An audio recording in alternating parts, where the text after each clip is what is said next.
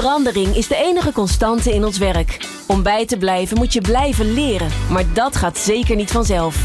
In Lang Leven Leren hoor je wetenschappers, bestuurders en specialisten over de vraag: hoe zorgen we ervoor dat iedereen wil, kan en mag leren? Lang Leven Leren is een initiatief van Online Academy. Online leren met impact. Met Glenn van der Burg. Door de toenemende digitalisering en de afnemende levensduur van bedrijven kunnen we niet meer zonder een leven lang leren. Want alleen zo houd je perspectief op werk. Mooie bijvangst van altijd maar blijven leren is dat mensen er gelukkiger van worden. Als je blijft leren, kom je niet vast te zitten in een bepaalde functie of rol en houd je meer mogelijkheden open om ander werk te gaan doen. Kortom, een leven lang leren is onontkoopbaar. Tenminste, zo stelt Nick van Dam, hoogleraar Learning and Development aan Nijenrode en verbonden aan nog een keur van andere universiteiten. Daarnaast is hij auteur van diverse boeken en nog heel veel meer. Ik ga met hem en Tom Bos, directeur van Online Academy, in gesprek. Lang leven leren. De podcast. Nick van Dam en Tom Bos, wat fijn dat jullie er allebei zijn om eh, te praten over dit nogal belangrijke onderwerp. Uh, ja, we beginnen deze aflevering met een stelling. Een leven lang leren is onontkoombaar, want alleen dan houd je perspectief op werk. Nick? Ja, dat is een heel makkelijk ja. Oh ja? Want dat vind jij. Daar leef jij bij volgens mij, toch? absoluut. Het is, uh, als, we, als we kijken naar, uh, naar de toekomst. Hè, mensen werken uh, tenminste 45 jaar, 50 jaar. Voor een deel is dat bepaald door wanneer we met pensioen kunnen. maar ook voor een deel financieel gezien. je kan op een gegeven moment zeggen, ik kan met pensioen op mijn 67ste. Maar misschien heb je nog wat extra geld nodig. Want we leven allemaal langer. Dus uh, ja, leven lang leren, leven lang uh, inzetbaar blijven. Dat is belangrijker dan ooit tevoren. Het is wel grappig dat je dat zegt. Want dat, volgens mij hebben we daar heel weinig over. We komen natuurlijk uit een tijd. Hoor, de mensen die nu met pensioen gaan. Die hebben misschien nog een einde, einde loonregeling. Hè, dat je gegarandeerd ja. totdat je... Nou ja, tot, tot, het, tot het einde echt komt. dat je wat krijgt. Maar heel veel van ons die hebben gewoon straks een pot. En als die pot leeg is, is het op. Ja, absoluut. En dan ja. moet je toch, uh, hopelijk heb je een grote ja. pot nodig, want dan blijf je lang leven. Nog een duidelijke urgentie ook inderdaad om er iets aan te doen. Ja, zeker. ik praat nu vooral tegen mezelf. Ja, namelijk. ja. Ik heb het niet Nou, zo heel fantastisch geregeld. Even noteren dan. Ja, uh, ik schrijf het even gelijk op. Uh, Tom, hoe kijk jij nou aan? Uh, ja, ik bedoel, leven lang leren. Dat, jij bent met dit hele thema gekomen. Dus, Ja, ja, ja, maar ik hou me natuurlijk bezig met vooral dat leren. Maar ehm, ja, dit perspectief, dit is natuurlijk nog wel weer heel wat anders. Zeg maar gewoon het economische perspectief op het, eh, eigenlijk het belang van leven lang leren. Het is interessant om zo meteen even wat verder in te duiken. Van hoe, ehm, ja, hoe bepaalt dat precies de koers? Want er zit wel een duidelijke incentive in voor, ja, laten we zeggen, je medewerkers of jij, jijzelf. eh waar wij het natuurlijk vaak hebben over het belang van een leven lang leren voor de werkgever. Dus het is interessant om ook even dit perspectief te pakken. Zeker, ja. ja. Nick, dan, dan, dan zeg je dat heel makkelijk. Hè? We zeggen dat heel makkelijk. Een leven lang leren. Kunnen we dat eigenlijk überhaupt wel als mens? De, Ja. Ons hele leven leren. Ja, het is een, een, va- een vraag die ik heel, krijg, heel vaak krijg van, eh, van HR-managers eh, in organisaties, eh, maar ook van, eh, van leiders. En die zeggen, ja, hè, we hebben, ik- soms dan hoor je wel we hebben mensen, Nick, we hebben mensen. We, hebben- hè, we zitten in een industrie met heel veel verandering en digitalisering. En we hebben mensen van midden 40. Hè? Poeh. Wat denk je? Ja. Is, er nog, is, er, is er nog hoop? Hè? Kunnen ja. die mensen inderdaad wel eh, nog blijven leren? Maar hebben ze dan door En- dat jij ook al zeker midden 40 bent en misschien wel een klein beetje ouder al? Pas nou op. Ik, ik, denk het, ik denk het wel. En, eh, maar goed, ze denken misschien zijn er een paar uitzonderingen. Maar het, het goede nieuws, absoluut het goede nieuws is dat we, we hebben dus heel veel onderzoek eh, de afgelopen tien jaar gepubliceerd. Eh, we hebben gekeken naar eh, onze, onze hersenen en, en, en eh, in hoeverre we eigenlijk nieuwe verbindingen kunnen aanmaken tussen, tussen verschillende neuronen. neuronen. En, en dat kan. Hè. We kunnen eigenlijk als mens, dat is heel mooi. We kunnen tot, tot, tot ons hele leven inderdaad, inderdaad blijven leren. Er wordt neuroplasticiteit genoemd. Ehm, maar er zijn wel een aantal voorwaarden om dat te doen. En één ervan is moeten gezond blijven. Eh, en, en ander is, eh, er zijn een aantal zaken die te maken hebben met, met, gezond, met, met eten en met drank. Ehm, ja, die kunnen een positieve of negatieve impact hebben op dat leervermogen. Maar we kunnen blijven leren. Maar de vraag is altijd, doen we dat ook? En dat is een beetje het gesprek vandaag ook van, Ja. we kunnen het. Als we even kijken naar DNA en fysiek. We kunnen het allemaal, maar doen we het ook? En Ja. daar hebben we denk ik nog hele grote uitdagingen. Ja, voordat we daarheen gaan, nog even de, de, een andere mythe. Misschien even, want eh, A, ja, we kunnen het, zeg jij. Dat is mooi. Ja. Eh, ons hele leven lang. Wordt het minder? gedurende je leven? Wordt je mogelijkheid, de, de, de fysieke mogelijkheid in je brein, wordt die minder goed om te kunnen leren? Ja. Er zijn eigenlijk eh, bepaalde dingen die we heel goed kunnen als we jong zijn. Uh, en andere dingen die we heel goed kunnen als we ouder zijn. Bijvoorbeeld het leren van een taal. Daar wil je eigenlijk mee beginnen als je één jaar oud bent. Of misschien net na je geboorte. Met ouders die twee talen tegen je spreken. Dus talen leren moet je absoluut doen als je heel jong bent. Um, als het gaat om onthouden van feitjes. Dat kunnen we veel beter als we jong zijn dan dat we ouder zijn. Maar als het gaat om het, het leggen van verbindingen tussen allerlei domeinen en ervaringen. Dat kunnen we juist ontzettend goed als we ouder zijn. Uh, en er is een hele mooie onderzoek gedaan bij Achmea. Uh, als het gaat om digitalisering. Die hebben gekeken naar, uh, naar verschillende groepen in het bedrijf. Die zijn door speciale trainingen gegaan. En daaruit blijkt dat eigenlijk de oudere groep medewerkers veel beter waren om bepaalde digitale competenties te ontwikkelen dan jongere mensen. Oh ja. Omdat ja. ze al bekend waren met allemaal systemen in de organisatie, met bepaalde bedrijfsprocessen, contact hadden met klanten. En ze konden heel makkelijk allerlei links leggen. Die iemand, ja, iemand van 24, die was begonnen, die heeft helemaal die achtergrond niet. Ja, de context niet. Ja, Nee. ja, Nou, interessant. Ja. ja, we hebben daar ook wel eens onderzoek naar gedaan. En met name dan in leertrajecten, zeg maar. Van wat, ehm, ja, eh, eh, eh, wat het beste werkt voor het, eh, voor het leren als je naar blended learning over zou gaan. Dat- Ik, ik meen dat het onderzoek uit eh, 2012 of zoiets is. Dat is alweer een poosje geleden. Maar daar kwam ook heel duidelijk naar voren dat als wij technologie introduceerden in leertrajecten, dat daar duidelijk geen correlatie was tussen leeftijd en, eh, en gebruik of effectiviteit. Zeg maar. dat, was, dat had niets met elkaar te maken. Ook de oudere doelgroep pakte dat even makkelijk eigenlijk op. Ja. Laten we even kijken naar, want, hè, als we dan een leven lang leren noemen, dan, dan heeft iedereen daar een beeld van. Maar leren kun je natuurlijk op allerlei verschillende manieren. Dus hoe ziet dat leven lang leren eruit? Wat is de slimste manier om dat te doen? Moet je sprintjes nemen, dat je ineens heel intensief eh, iets gaat oppakken? Moet je eigenlijk gewoon geregeld één keer in de maand terug in de schoolbanken? Moet je elke week een beetje? Moet je elke dag een beetje? Is daar een, een soort handvat voor te geven, Nick? Ja, nou, we, we leren natuurlijk allemaal op heel veel verschillende manieren. En het gaat er eigenlijk ook om, om te kijken naar een soort me- menu van allerlei manieren om te leren. Maar wat wel belangrijk is om, ehm, o- om te zien, is dat, dat mensen leren eigenlijk door dingen te doen die ze nog nooit eerder hebben gedaan. Hè, als je, eh, en betekent dus al- als je dat iedere dag doet, iets nieuws, met nieuwe collega's of andere collega's, een ander project, eh, een ander informatiesysteem, dingen uitzoeken, dan ga je eigenlijk van je, van je comfortzone eh, naar je leerzone en, en, en nou, stretchzone. En, en daar leren we eigenlijk. Dus daar, daar begint het eigenlijk mee. En dan is de vraag, er zijn heel veel verschillende manieren om eh, kennis eh, op te doen, eh, om vaardigheden te ontwikkelen, om bepaalde, ja, bepaalde dingen te oefenen. En voor een deel gebeurt dat door zeg maar, traditionele leervormen, online, in de klas. Maar eigenlijk heel veel kan er gebeuren op het werk. Uh, en ik zeg altijd, als je in Nederland, uh, Nederland kijkt, het, gemiddeld aantal uren dat mensen formele opleidingen volgen in bedrijven. Uh, dat hangt af van, van, wie je bent, wat voor persoon, wat voor organisatie, wat voor industrie. of je aan het begin van je loopbaan, loopbaan zit of meer aan het einde. Maar het is gemiddeld ongeveer 35 tot 40 uur. Nou, die, die 35 tot 40 uur, die zijn absoluut niet voldoende. Om per jaar, hè? Ja, per jaar, per jaar. Ja. Die zijn niet voldoende om je inzetbaar te houden. En daarom is het zo belangrijk dat mensen, als mensen, uh, neem een getal, 1600, 1700, 1800 uur per jaar werken. Als je van die werkplek een leerplek kan maken, ja, dan, dan maak je gigantische winst. En daar kun je allerlei verschillende dingen doen. Ja, en ik kan me ook voorstellen dat en naast het feit dat je, uh, dat je daar natuurlijk aandacht voor moet hebben als werkgever, dat het ook helpt als je als werknemer, als gewoon als werkende, als je dat ook zo ziet. Als je je werk ziet als een plek om te leren, dan doet dat iets met je mindset volgens mij, toch? Ja, ab absoluut. Het, is het, het begint, het, het wordt, dus een hoogleraar in de VS, uh, Carol Dweck, en die heeft ruim 30 jaar onderzoek gedaan naar leren. En wat ze eigenlijk zegt is dat je hebt mensen met een, een vaste mindset en een groeimindset. En als je een groeimindset hebt, dan, dan vertel je eigenlijk jezelf: ja, mijn, mijn talenten ken ik eigenlijk niet. Ik kan me er overal in verdiepen mijn hele leven. En dat wil ik ook heel erg graag. Want er is ook een aantal overtuigingen bij van ik wil, ik ben nieuwsgierig, ik wil nieuwe dingen blijven leren.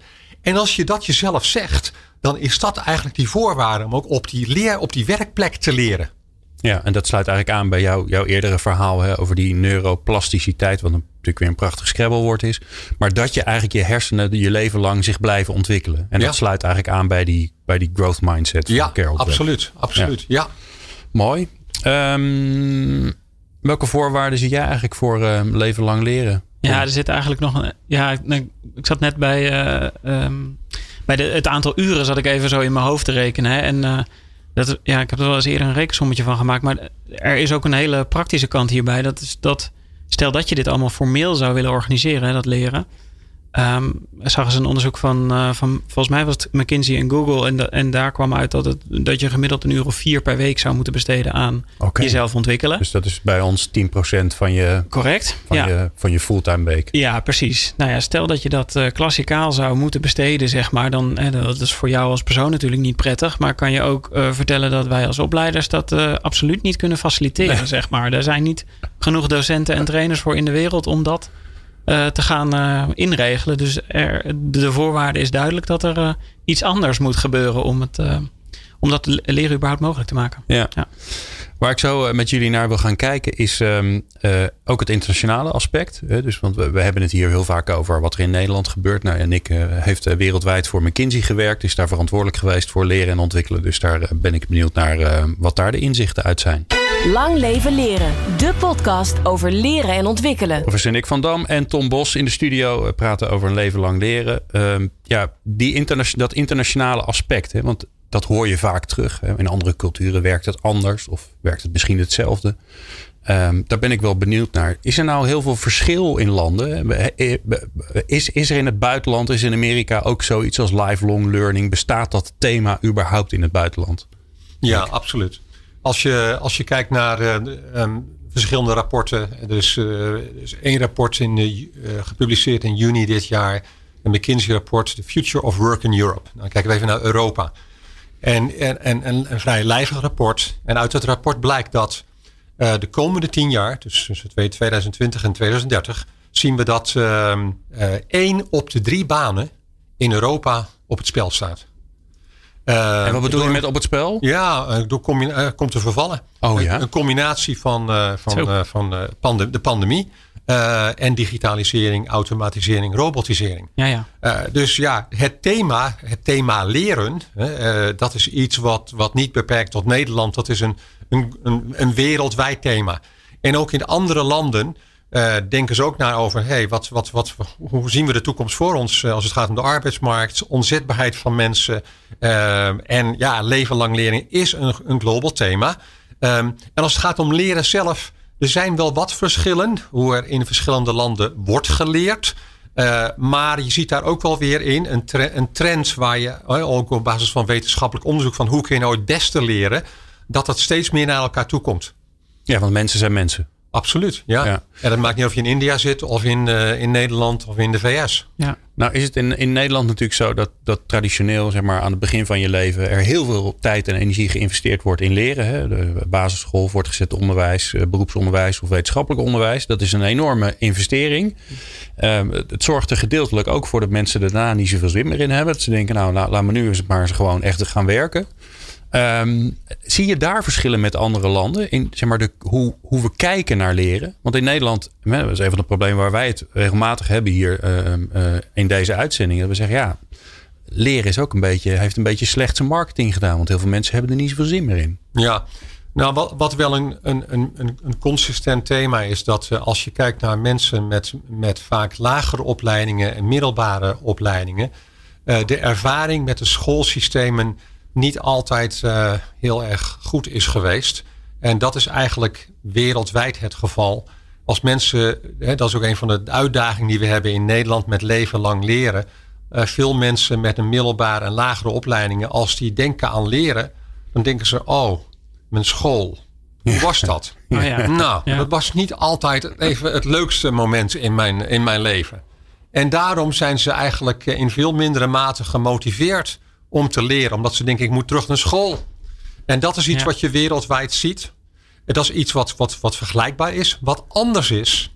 En dat, is, dat verschilt ook wel natuurlijk een beetje van land tot land.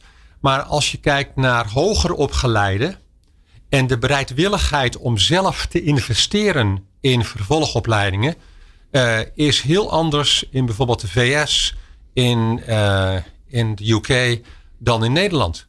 Uh, in Nederland is toch heel vaak nog steeds het beeld van, nou, um, als ik me moet omscholen of bijscholen, dat is iets voor mijn werkgever. Ja. En als mijn werkgever niet betaalt, too bad. Dan doe ik het niet. Oh ja. terwijl, uh, terwijl in de VS en, en, en, en Engeland daar zoiets van... oké, ik blijf zelf investeren. Ik sluit leningen af om allerlei opleidingen te volgen. Want uiteindelijk, ik ben verantwoordelijk... en dat is een beetje het culturele kant. Ik ben verantwoordelijk voor mijn eigen ja, leven, mijn inzetbaarheid, mijn succes, uh, mijn, mijn, Ja. mijn, het inkomen wat ik verdien. En ja, ik kan niet naar de overheid kijken of naar mijn werkgever om dat volledig in te richten. Ja, ja. Heeft het de- ook een relatie met het gemak waarmee mensen eh, hun baan verliezen, misschien in de VS bijvoorbeeld?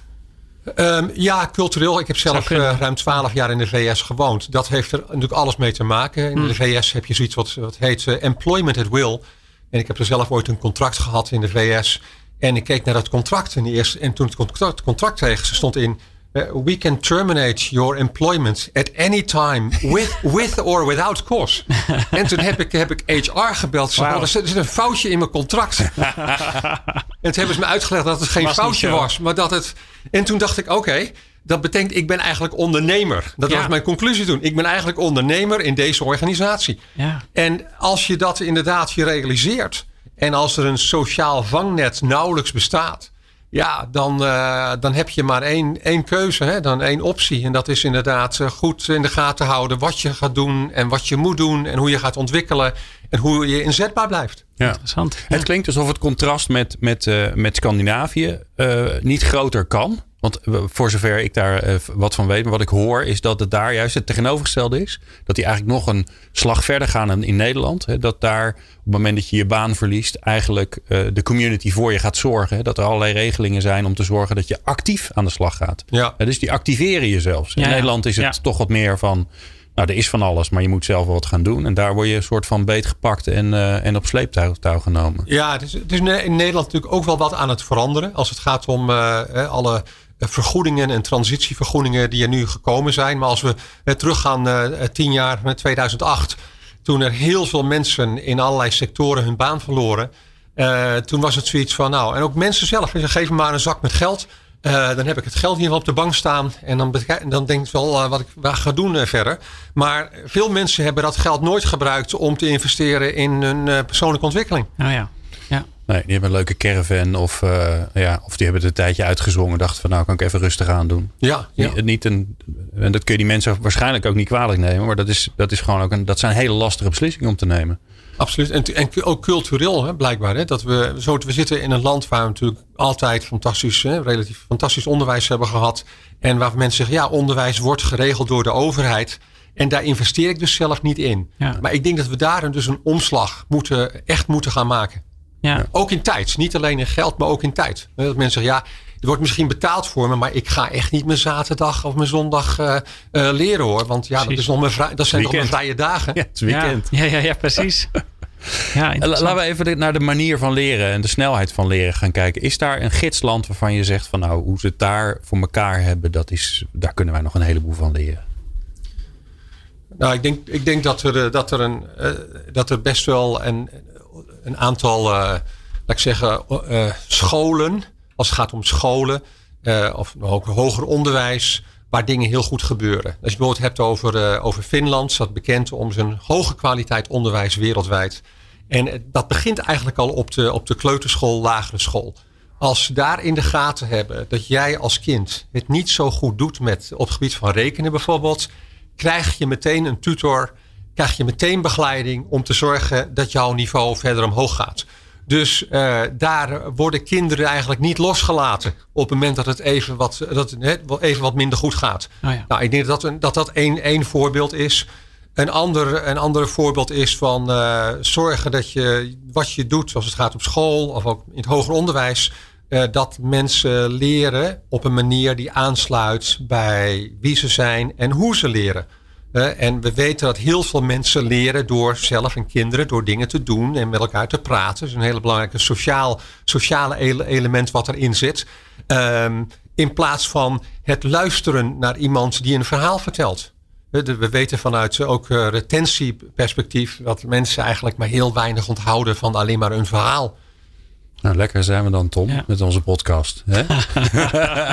Gewoon heel vaak luisteren en het erover hebben met anderen. Dat is dus het devies. Ja, dan, dan, blijft het het beste hangen. Ja. Dat is de opdracht uh, zometeen aan het einde. Ja, ja, ja. Ehm, we gaan zo uh, naar de column eh, van Jeroen Buescher, die zich ook gestort heeft op dit thema. En daarna praten we weer verder met Nick van Dam en Tom Bos. De beste voorbeelden uit de praktijk van leren en ontwikkelen hoor je in Lang Leven Leren. Ja, ik ben heel bijzonder blij, want ik mag uh, een van mijn grote werkvrienden aankondigen. Wanneer ben je eigenlijk vriend, Jeroen? Om maar even met een uh, eenvoudige vraag te beginnen. Nu. Nu, nou bij deze. Uh, mijn, grote, mijn grote vriend Jeroen Buscher, waar ik al jaren uh, mee uh, samenwerk, zonder dat er enige euro's van hand wisselen. Dus dan moet het wel vriendschap zijn.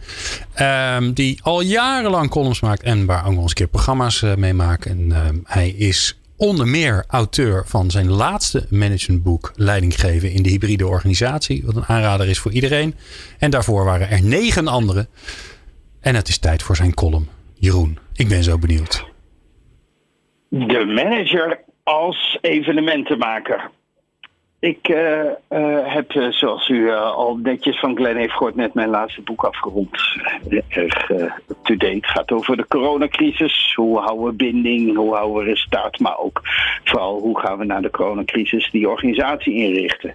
Dus wat wordt de, de organisatie na corona? dus waarin we een gedeelte thuis zullen werken en een gedeelte op kantoor.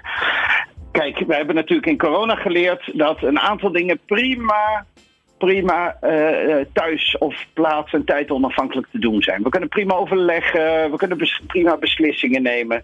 Dat Zoom, als het goed gebruikt wordt, houdt het allemaal wat, uh, wat, wat zakelijker, dus dat is mooi. En wat we missen is natuurlijk de creativiteit, de verbinding, het van elkaar leren, de community. En in de hybride organisatie, de organisatie waar we na corona waarschijnlijk in terecht gaan komen, uh, waarin we een paar dagen per week op die kantoor zijn, zullen we dat kantoor niet voor dingen moeten gaan gebruiken die we thuis ook prima kunnen. Thuis kunnen we ons wat beter concentreren, uh, kunnen we de omgeving wat meer uh, behandelen, dus kunnen we wat beter ons op onze persoonlijke productie richten. En dat kantoor zal meer een plek worden waar de creativiteit moet stromen, waar we elkaar inspireren, waar we nieuwe met elkaar opdoen. Meer een sociale, lerende, creatieve speeltuin dus. Voor sommige mensen een horreur, en voor andere mensen juist een feest. Wat de corona ons heeft geleerd is hoe belangrijk het is dat we elkaar ontmoeten en hoe waardevol ontmoetingen zullen zijn. Uh, hoe, hoe, waardevol ontmoetingen zijn natuurlijk. En dan bedoel ik ook de fysieke ontmoeting in een ruimte. Nou, wat gaat er, wat gaat er gebeuren? De manager zal steeds meer als rol gaan krijgen die toekomstige ontmoetingen vorm te geven. En daarom heet mijn column ook de manager als evenementenmaker. Maar een van de meest veronachtzame onderwerpen die ik ken als het gaat over management is heel simpel werkvormen. Als ik zie hoeveel vergaderingen inefficiënt zijn omdat er gewoon een slechte werkvorm is. Alles is een werkvorm. Maar door elkaar heen gillen is inderdaad ook een werkvorm. Of voortdurend van onderwerp veranderen is ook een werkvorm maar niet zo'n effectieve. En werkvormen zorgen ervoor dat gedrag gestuurd wordt. Werkvormen kunnen heel spectaculair zijn en heel bijzonder zijn. Dan kan je elkaar in, in, bijna een hallucinatie gaan ontmoeten. Maar werkvormen kunnen ook gewoon heel simpel zijn en zorgen dat de juiste mensen op het juiste moment aan het woord komen. Neem bijvoorbeeld, dat vind ik altijd een mooi voorbeeld, een rechtszaak. Een rechtszaak is een werkvorm met rollen. En daar word je gedwongen naar elkaar te luisteren om dat proces helder vorm te geven en zo tot een goed resultaat te komen. De manager zal meer moeten gaan leren als een evenementenmaker te denken. Een evenementenmaker die denkt, we hebben een groep mensen, die gaan elkaar ontmoeten. En wat zou het resultaat van die ontmoeting moeten zijn? Niet wat staat er op de agenda? Nee, Die ontmoeting is een schitterend ongeluk. Moeten er nieuwe ideeën ontstaan? Moeten we elkaar daar inspireren? Moeten we van elkaar leren? Moeten we de verbinding voelen? En welke werkvorm, welke manier van ontmoeten gaat er nou werken? Moeten we twintig shamanen inhuren en met elkaar de toverfluit gaan befluiten?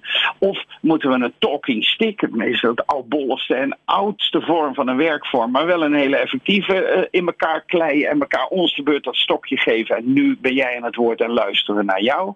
Dat wordt aan de manager. Veel managers zijn veel te veel gericht op hun persoonlijke relatie met hun medewerkers. Veel belangrijker is dat het team elkaar op inspirerende leren en creatieve wijze kan ontmoeten. Om zo dingen te kunnen bedenken die waardevol voor onze klanten zijn. En de ontmoeting, de schitterende ontmoeting van samen in een ruimte elkaar verbazen, die zal de manager meer moeten uh, leren vormgeven. Dus meer denken als een evenementenmaker. Want het moet bijzonder zijn, het moet memorabel zijn en dan moet dat gebeuren wat wij willen. Wat we willen dat er gebeurt. Als de mensen zich vervelen, dan heb je gefaald. Gaan mensen stankelend en stuiterend naar huis, dan ben je als manager geslaagd. De manager als evenementenmaker. Mooi Jeroen. En dan hebben we straks helemaal niks meer te doen als we dat allemaal kunnen. En het gaat er ook een klein beetje over leven lang leren, toch? Ja, zeker. Ja, want hoe leer je het beste? Door de juiste werkvorm te kiezen bij datgene wat je wil bereiken. Absoluut. En ik, ik, ik moet je zeggen, ik zit al zo lang in het vak. En als ik toch zie hoe stuitend slechte werkvormen zijn die bij de eerste beste vergadering gebruikt wordt. Het is echt verbazingwekkend. Ik heb natuurlijk een verleden in de, in, in de evenementenindustrie. Maar echt bij terugwerkende kracht zie ik hoe belangrijk die craft is om dat te kunnen. Nou, daar kunnen we voorlopig nog wel even mee doorgaan, volgens mij, toch? Moet, moet jou als dagvoorzitter aanspreken, toch? Zeker, ik ben gek op werkvormen. Hey, uh, Jeroen, ik dank jou zeer voor weer een prachtig jaar uh, People Power uh, samen te maken. Want dit is volgens mij nu echt het laatste wat we samen doen. Misschien dat volgende week dat je er stiekem weer bent, maar volgens mij niet. dus ik wil jou ongelooflijk bedanken. Ik heb ervan genoten en ik weet zeker onze luisteraars ook. Goed zo. En ik hoop in 2021 weer van dienst te mogen zijn. Bij deze hebben wij dat afgesproken. Dankjewel, Jeroen. Doei, doei. De laatste inzichten over leren en ontwikkelen. Lang leven leren. Professor Nick van Dam van onder andere Nijrode en Tom Bos van Online Academy in de studio praten over een leven lang leren. Ja, we zijn aangekomen bij, um, uh, ja, misschien moeten we die vraag eerst maar even behandelen. Wie moet er nou, wie is er nou verantwoordelijk? Is nou de individu verantwoordelijk of is de werkgever verantwoordelijk? Of, dat gaat waarschijnlijk wel het antwoord zijn. Eén antwoord. ja, je moet kiezen. Ja. kiezen. Ja. Dick, welke van de twee uh, moet er nou echt in beweging komen? Nou, als ik zou moeten kiezen, dan is het altijd eh, de werknemer. Uh, want, want ja, je kan als, als een bedrijf in actie komt, maar de werknemer heeft geen, uh, geen echte motivatie om te leren, dan, dan, dan, dan, dan gaat het helaas niet worden. Maar er is nog een derde partij die je niet noemt, Glenn, dat is de ah. overheid. Ah. Uh, want de overheid kan ook enorm helpen om het leren te faciliteren en ook om op de agenda te zetten en het te hebben over het belang van duurzame inzetbaarheid. Het zorgen voor uh, subsidies op als het gaat om ontwikkeling, uh, belastingvoordelen voor mensen. natuurlijk het inrichten van het onderwijs. Dus het over, de overheid speelt ook een hele, hele belangrijke rol in dit, in dit, en, thema. En, en hoe doen ze het, vind je? Eh, we hebben, we hebben absoluut gezien dat het thema leven lang leren, inzetbaarheid steeds belangrijker is geworden voor de overheid. Dus, dus meer gedaan. Er wordt al 10, 15 jaar over gesproken, maar ik zie nu wel dat er meer gebeurt. Uh, ik denk dat er nog veel meer zou kunnen gebeuren. Omdat we toch, het gaat niet om, om kleine stapjes die we moeten zetten. Uh, ik ik ja. zie zelf dit, dit, dit decennium als het decennium uh, wat bekend zal worden als het decennium van omscholing en bijscholing. En dat betekent echt hele grote groepen mensen zullen een totaal ander beroep uh, moeten gaan uitoefenen de komende tien jaar. Iedereen zal zich moeten bijscholen. Uh, en dat is echt meer dan dat we de afgelopen 20, 30 jaar hebben gezien. Dus ja, dat betekent uh, iedereen zal echt wel behoorlijke stappen moeten zetten om, om dit allemaal waar te maken. Ja, Tom? Ja, zeker weten. Ik ben het helemaal mee eens. En ik denk ook, eh, ja, je ziet nu eh, de overheid uh, wel bewegen. Um, ze, hebben net die Nederland leert door subsidie geïntroduceerd. www.onlineacademy.nl vind je wat informatie daarover. Het wel, zijn wel aardige bewegingen, zeg maar, de juiste kant op. Maar Nederland leert door. Dat, dat is, daarbij kan zeg maar, een individu kan, uh, uh, gebruik maken van een potje om klopt. zichzelf ja, bij ja, te spijken. Ja, klopt. Ze kunnen bijvoorbeeld bij ons, maar ook bij een heel aantal andere opleiders, kunnen ze, kunnen ze gratis leren. Zeg maar. Dat wordt dan betaald door de, door de overheid. Dus dat is al een hartstikke mooi initiatief. Maar ja, kijk, ik ben natuurlijk met niks eens. Dus het moet echt zoveel groter om die beweging te gaan veroorzaken. Dat, ehm, en en ik, ik, weet dat ze zich daarop oriënteren. En, en de, de, gesprekken gaan daarover natuurlijk. En dat is, dat is ook niet makkelijk om in te richten. Om te zorgen dat het geld juist terecht komt en dat soort dingen allemaal. Maar het is wel echt hartstikke noodzakelijk. Ja. ja. Eh, vind ik wel een interessante, hè? want um, veel van de verantwoordelijkheid ligt bij het individu. Um, maar kun je er als bedrijf, als organisatie van uitgaan dat het individu zelf in beweging komt? Want dat vind ik weer een hele andere vraag. Ja, ik denk dat ze de, dat bedrijven hebben denk ik een hele belangrijke rol om hun medewerkers te helpen om na te denken wat voor soorten rollen er beschikbaar komen in hun organisatie of in andere organisaties. Dus we komen terug op, op inzetbaarheid, op loopbaanontwikkeling. Ja. Uh, om daar werk, werknemers enorm mee te helpen. Daarnaast natuurlijk het faciliteren. Ja, dus perspectief. Ja. Want, want zeggen, joh, je baan gaat veranderen. Dan, ja, maar naar wat dan? Precies. Precies. Toch? Dat, dat is de vraag. Want absoluut. anders weet je ook niet waar je voor aan het leren bent. Absoluut. Dat, dat denk dat het, dat het een, uh, ja, een belangrijke misschakel is die we gemist hebben de afgelopen 10, 15 jaar. Je kan heel veel aanbieden aan onderwijs, ook online. En er is ook heel veel gratis onderwijs. En nu ook met, met, met, met inzet van, uh, met, de, met de overheid die, die mogelijkheden biedt. Ja. Maar ja, daar gaan mensen nog niet bewegen per se. Maar dat vind ik wel interessant. Ja. Hè? Want naar mijn idee, maar ik, ik hoor graag van jou, Nick, hoe jij dat ziet zitten, zitten gedachten erachter dat iedereen denkt. Iedereen wil graag leren. Dus als ik maar aanbied, dan gaan mensen, hè, net zoals dat je uh, honger hebt. Ja, ik bedoel, iedereen heeft, krijgt ja. vanzelf honger als je een tijdje niet gegeten hebt. Dus als je maar een uithangbord ophangt met een lekker broodje erop, dan komen mensen wel kopen. Maar is ja. dat zo met leren? Nee, ik denk het niet. Dat we voor een deel in ieder geval niet. Voor altijd zelf mensen waar het wel voor opgaat. Dus altijd, altijd als je kijkt naar, naar leren, is er altijd een groep mensen, ongeacht wat ze, die altijd actief zijn, die nieuwsgierig zijn, die investeren, tijd, geld, noem maar wat. Dat is een, dat is een klein groepje mensen. Uh, we hebben een hele grote groep mensen die in principe best wel willen leren, maar niet weten waarom ze zouden moeten leren en wat zouden ze moeten leren. Ja. Uh, en daar is, uh, nogmaals, de werkgever kan daar enorm bij helpen om dat, in kaart. En daar ook jaarlijks mee. Dus niet een keer, dat doe ik één keer. En dan hebben we dat vastgelegd. En dan weten we waar, hoe we zijn, waar we zijn over vijf jaar. Eigenlijk ieder jaar moeten we een soort scan doen zelf. Waar staan we? Wat is onze rol? Wat gaat er veranderen de komende jaar? Hoe gaat onze rol zich ontwikkelen de komende twee, drie jaar? En waar moet ik me op voorbereiden? Is dat dan niet de grootste opgave voor, voor learning and development voor de komende jaren? Om te zorgen dat dat A, de perspectief helder is. Maar ook dat die honger er komt. Tom. Ja dat, zou, ja, dat zou natuurlijk best wel kunnen, inderdaad. Ja. De, Want alles is er toch al. We hebben toch, we hebben natuurlijk moet altijd weer nieuwe content ontwikkeld worden. Maar laten we wel zijn, als je, als je mijn kinderen ziet, hè, die worden geprikkeld op school om iets te moeten doen. Want ja. dat gebeurt daar natuurlijk ook nog steeds. Ja. Dan gaan ze googlen en dan vinden ze het. Ja, ja, zeker. Ja, er is zo ontzettend veel beschikbaar. En inderdaad, uh, heel veel is uh, kosteloos beschikbaar. En, um, en of onbeperkt, zeg maar. Dus aan de middelen ja, goh, ik, ik, heb daar natuurlijk inhoudelijke meningen over. Dat kan echt wel beter. Maar de, aan de middelen, daar ligt het niet aan, uh, zeg maar. Ja. Je, je, je zult echt veel meer je moet richten op het faciliteren, op het helpen in de zoektocht eigenlijk. Want ook als mensen wel willen leren, uh, ja, welke kant dat dan op gaat, zeg maar. En of dat uiteindelijk leidt tot het doel wat ze in hun hoofd hebben zitten. Dat is natuurlijk ook maar de vraag. Ja. Nick, jij bent, jij, bent, jij bent verantwoordelijk geweest bij McKinsey. Nou, voor Learning and Development. Nou, als die niet leren en ontwikkelen, dan kunnen ze de tent wel sluiten. Dus ik kan me voorstellen dat die cultuur er al aardig in zat. Uh, maar als je naar je vakgenoten kijkt, wat is dan hun belangrijkste uitdaging de komende jaar, 2021? Nou, ik denk, ik denk dat. Uh, ik, heb, ik heb dit jaar eerder een, een onderzoek gedaan onder Chief Learning Officers van, van, van wereldwijd bedrijven. Van goh, wat, wat, hè, hoe kijk je nu naar wat er gebeurt de komende maanden? En hoe kijk je verder dan de pandemie? En een van de thema's is, is, is van hoe kunnen we veel sneller uh, zorgen dat mensen zich kunnen ontwikkelen. Uh, en daar ken je ook naar allerlei vormen van leren, waaronder online learning, wat natuurlijk ontzettend belangrijk is en nog belangrijker zal worden. Uh, dat is één thema. Maar het tweede, en dat is eigenlijk niet het tweede per se, maar wa waarom dan en waar naartoe?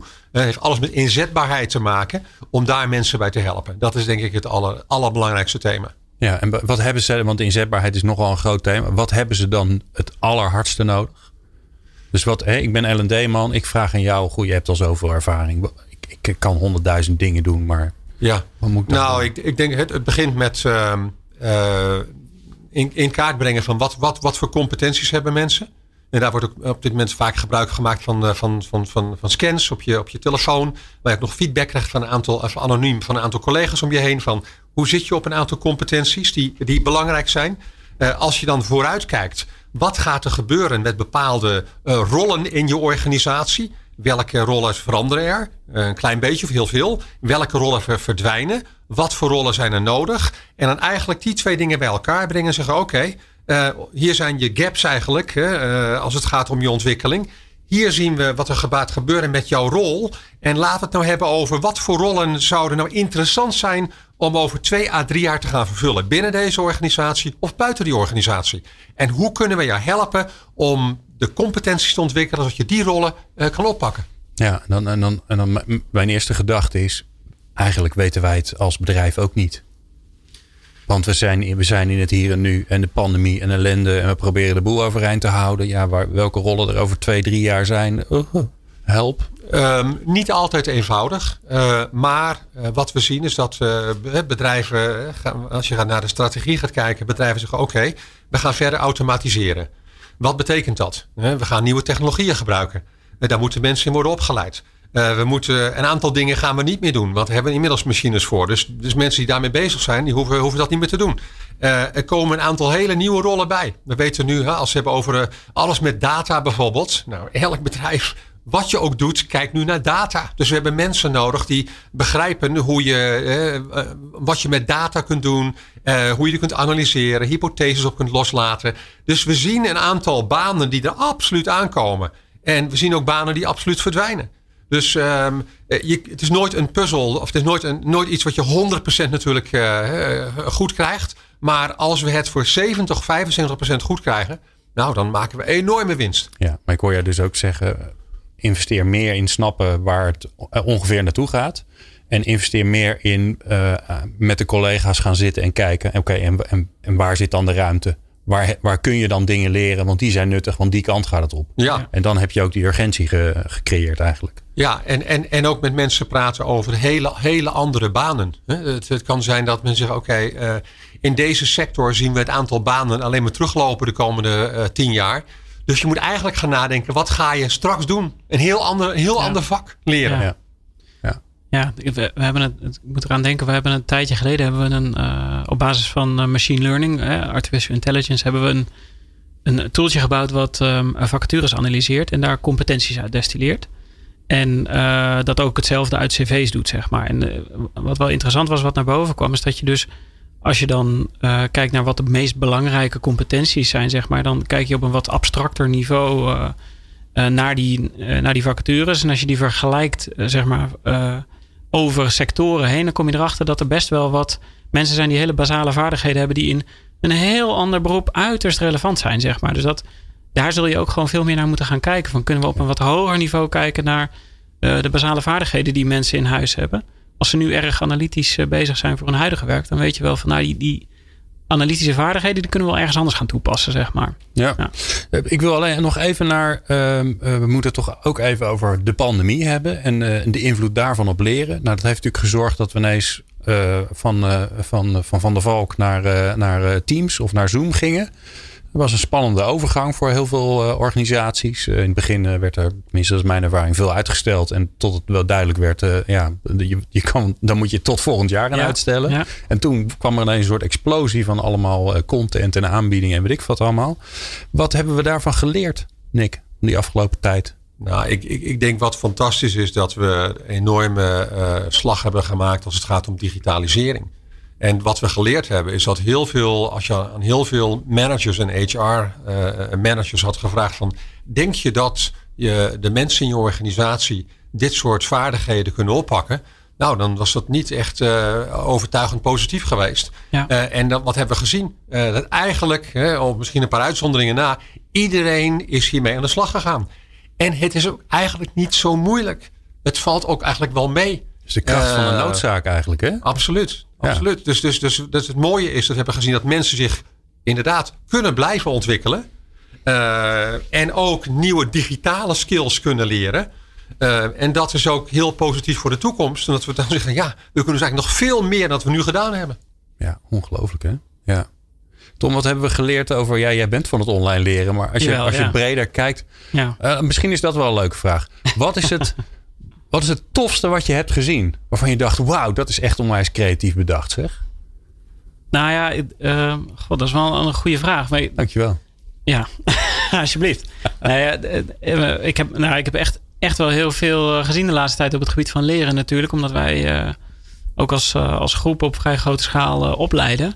En ja, het meest bijzondere vind ik, eh, moet ik zeggen, zit een beetje in de hoek van eh, bijvoorbeeld trainingsacteren en, eh, en coaching en dat soort dingen. Ik had Die wel- toch ook online kunnen. ja, dus ja, ja, ja, ja, ja, zeker. En zonder al te veel moeite, zeg maar. Dus, dus ehm, zonder dat daar eh, met name vanuit het kwaliteitsperspectief veel afgedaan werd, ja, wordt er gewoon gezocht naar andere manieren. En ja, een van de interessante dingen, dat wist je eigenlijk al misschien al wel een beetje uit al die onderzoeken naar eh, digitale psych, eh, psychologie-sessies en dat soort dingen. Hè? Dat je bij je psycholoog of, of zo eh, via chat eh, behandeld, eh, behandeling kan doen. Dat dat maakt dat mensen veel opener durven zijn over hun problematiek, omdat het wat afstandiger is. Ja, dat zie ik dus ook dat dat bij, die, bij rollenspellen en, eh, en ook gewoon in andere vormen van online leren nu gebruikt gaat worden als voordeel, zeg maar. Dat je dus, doordat het wat veiliger is, zeg maar, dat je wat dieper kan eigenlijk. En dan daarna in persoon ja, het wel aandurft om, om die laatste stap te zetten, zeg maar. Dat is wel echt ontzettend gaaf. Ja. Ja. Nou, Nick, ik, wil, ik ben zo benieuwd hoe, hoe jij daarnaar kijkt. Wat is het spannendste wat je hebt gezien? Dat je dacht, jeetje, dat is creatief bedacht. Nou, er zijn natuurlijk al heel veel ehm, online eh, leeroplossingen die, die er al een tijd waren. Die, die, die, onvoorstelbaar goed kunnen zijn als het gaat om eh, eh, leren aan de hand van games en simulaties, eh, virtual reality. Eh, er zijn al heel veel van dat soort producten in de markt gezet die fantastisch eh, zijn.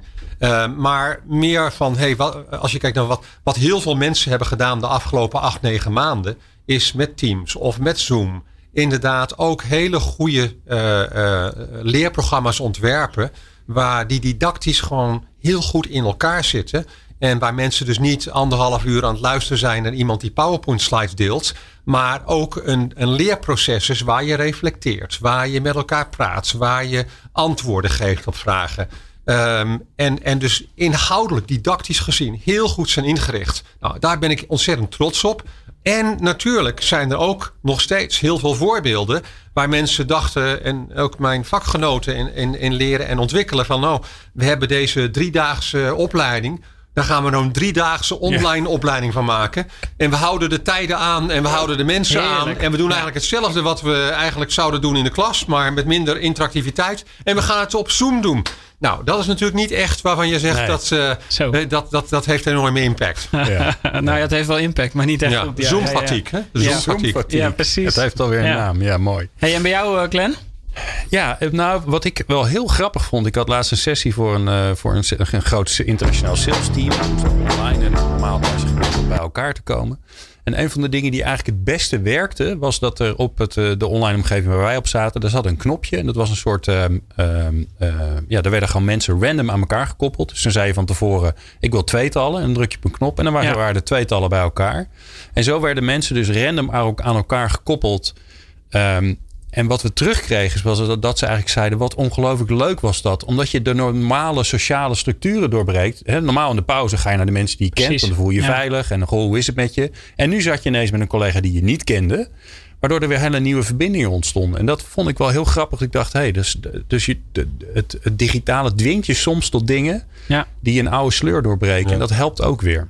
En weet je wat, wat mooi is als we hier naar kijken? Ik zeg, we zitten nu zeg maar eh, in even Teams en Zoom versie 1.0. Maar eh, dit jaar is er een recordbedrag geïnvesteerd. Hè? Venture capital in technologie, in leertechnologie, hoor, wat vaak genoemd wordt genoemd edtech. En dus ik verwacht, als we nu vooruitkijken, 12 maanden, 24 maanden, zullen we onvoorstelbaar mooie platforms zien. Hè? En eh, bij wijze van spreken ook Zoom 4.0 en Ja, ja, Teams ja. 4.0. Wat veel meer ontwikkeld is voor leren. Want uiteindelijk Zoom en Teams waren niet ontwikkeld om mensen te laten leren. Om waarom mensen te laten vergaderen. Maar we zien dus, ons, we zullen ontzettend veel mooie technologieën eh, zien. En dat zal het online leren alleen maar nog mooier en spannender maken. Mooi. Ik heb bijzonder genoten van deze aflevering en ik heb weer geleerd. Dus dat is altijd het mooie. Ik regel mijn eigen leerproces gewoon in de studio. Uh, bijzonder veel dank. Fijn dat je er was. Eh, professor Nick van Dam van onder andere Nijrode. En Tom Bos, fijn dat je er weer was van Online Academy. Bedankt voor het luisteren naar Lang Leven Leren. Een initiatief van Online Academy. Meer afleveringen vind je in jouw favoriete podcast app.